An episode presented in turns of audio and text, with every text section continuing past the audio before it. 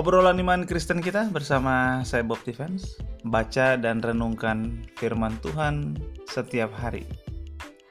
Hari ini kita mau membaca Matius 3 ayat 1 sampai 12. Matius 3 ayat 1 sampai 12 dan kemudian kita akan merenungkannya. Ini tentang Yohanes Pembaptis pada waktu itu tampillah Yohanes Pembaptis di padang gurun Yudea dan memberitakan bertobatlah sebab kerajaan sorga sudah dekat. Sesungguhnya dialah yang dimaksudkan Nabi Yesaya ketika ia berkata, ada suara orang yang berseru-seru di padang gurun, persiapkanlah jalan untuk Tuhan, luruskanlah jalan baginya. Yohanes memakai jubah bulu unta dan ikat pinggang kulit dan makanannya belalang dan madu hutan. Maka datanglah kepadanya penduduk dari Yerusalem, dari seluruh Yudea dan dari seluruh daerah sekitar Yordan. Lalu sampai sambil mengaku dosanya mereka dibaptis oleh Yohanes di sungai Yordan. Tetapi waktu itu ia melihat banyak orang Farisi dan orang Saduki datang untuk dibaptis, berkatalah ia kepada mereka, "Hai kamu keturunan ular beludak, siapakah yang mengatakan kepada kamu bahwa kamu dapat melarikan diri dari murka yang akan datang? Jadi hasilkanlah buah yang sesuai dengan pertobatan." Dan janganlah mengira bahwa kamu dapat berkata dalam hatimu Abraham adalah bapa kami, karena aku berkata kepadamu, Allah dapat menjadikan anak-anak bagi Abraham dari batu-batu ini. Kapak sudah tersedia pada akar pohon, dan setiap pohon yang tidak menghasilkan buah yang baik pasti ditebang dan dibuang ke dalam api. Aku membaptis kamu dengan air sebagai tanda pertobatan, tetapi Ia yang datang kemudian daripadaku lebih berkuasa daripadaku, dan aku tidak layak melepaskan kasutnya. Ia akan membaptiskan kamu dengan Roh Kudus dan dengan api. Alat penampi sudah di tangannya, ia akan membersihkan tempat pengirikannya dan mengumpulkan gandumnya ke dalam lumbung, tetapi debu jerami itu akan dibakarnya dalam api yang tidak terpadamkan. Demikian firman Tuhan dari Matius 3 ayat 1 sampai 12 yang berkisah tentang Yohanes Pembaptis. Kita mau merenungkan tampilnya Yohanes Pembaptis yang diceritakan baru saja oleh Matius. Kita melihat bahwa Yohanes Pembaptis ini adalah orang yang dimaksudkan oleh Yesaya. Yesaya menubuatkan ini artinya ratusan tahun sebelum Yohanes tampil di padang gurun Yudea. Yesaya, sang nabi, itu sudah memberitakan bahwa akan ada orang, ada suara di padang gurun yang berseru, "Persiapkanlah jalan untuk Tuhan, luruskanlah jalan baginya." Yang menjadi perenungan kita hari ini adalah apa yang Yohanes sampaikan dalam rangka persiapkanlah jalan untuk Tuhan, luruskanlah jalan baginya apa yang perlu dipersiapkan dan apa yang perlu diluruskan. Apa yang perlu dipersiapkan dan apa yang perlu diluruskan. Dari apa yang baru saja kita baca, kita tahu bahwa Yohanes menyampaikan tentang pertobatan. Yohanes menyampaikan tentang orang-orang yang perlu untuk berbalik kepada Allah. Perlu untuk hidup mereka diperbaiki. Dan bukan sekedar diperbaiki tetapi memang perlu ada perubahan yang total. Dari yang jahat meninggalkan yang jahat berjalan ke arah yang baik.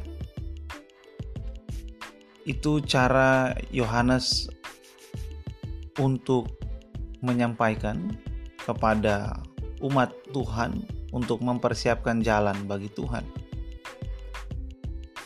Umat Tuhan diminta untuk berbalik dari cara hidup yang lama, dari pikiran yang jahat, dari rencana-rencana yang tidak berkenan bagi Tuhan, berbalik menjadi hidup dengan cara Tuhan, hidup dengan hati yang bersih, hati nurani yang murni, mengikuti apa yang Tuhan katakan.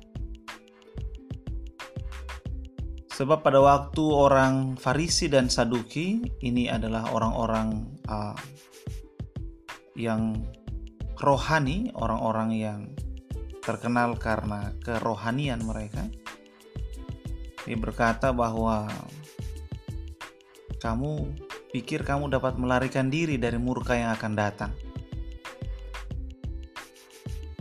Yohanes menyampaikan tentang murka yang akan datang. Murka yang akan datang. Luruskanlah jalan bagi Tuhan. Persiapkanlah jalan untuk Tuhan. Ini mengenai juga supaya umat Tuhan ini terhindar dari murka yang akan datang. Beberapa orang mungkin saja berpikir murka yang akan datang itu sama seperti anak SMA yang berpikir bahwa ujian itu masih lama, atau anak kuliahan yang berpikir bahwa tugas ini kan tugas akhir semester, ini baru awal semester. Jadi nanti saja ngerjainnya. Atau di kantor ketika berpikir, wah oh, ini deadline-nya kan masih akhir kuartal ya kan? Ini baru kuartal um, kedua di awal-awal kuartal kedua, jadi uh, nanti saja. Kan masih lama, masih beberapa puluh hari lagi. Kalau sudah puluh hari kan lama. Nah, baik anak SMA, kuliah, orang kerja, itu analogi bagi orang-orang yang berpikir bahwa murka yang akan datang itu masih jauh. Padahal kita tahu bahwa semua tugas itu perlu dikerjakan dan dalam hal ini kita perlu benar-benar memperhatikan murka yang akan datang karena pada akhirnya semua orang akan berdiri di hadapan Tuhan untuk mempertanggungjawabkan kehidupannya. Dan bagi orang-orang yang tidak dapat bertanggung jawab dengan hidupnya, maka ada murka yang akan datang, menerima pengadilan Allah yang baik dibalas dan yang jahat juga dibalas.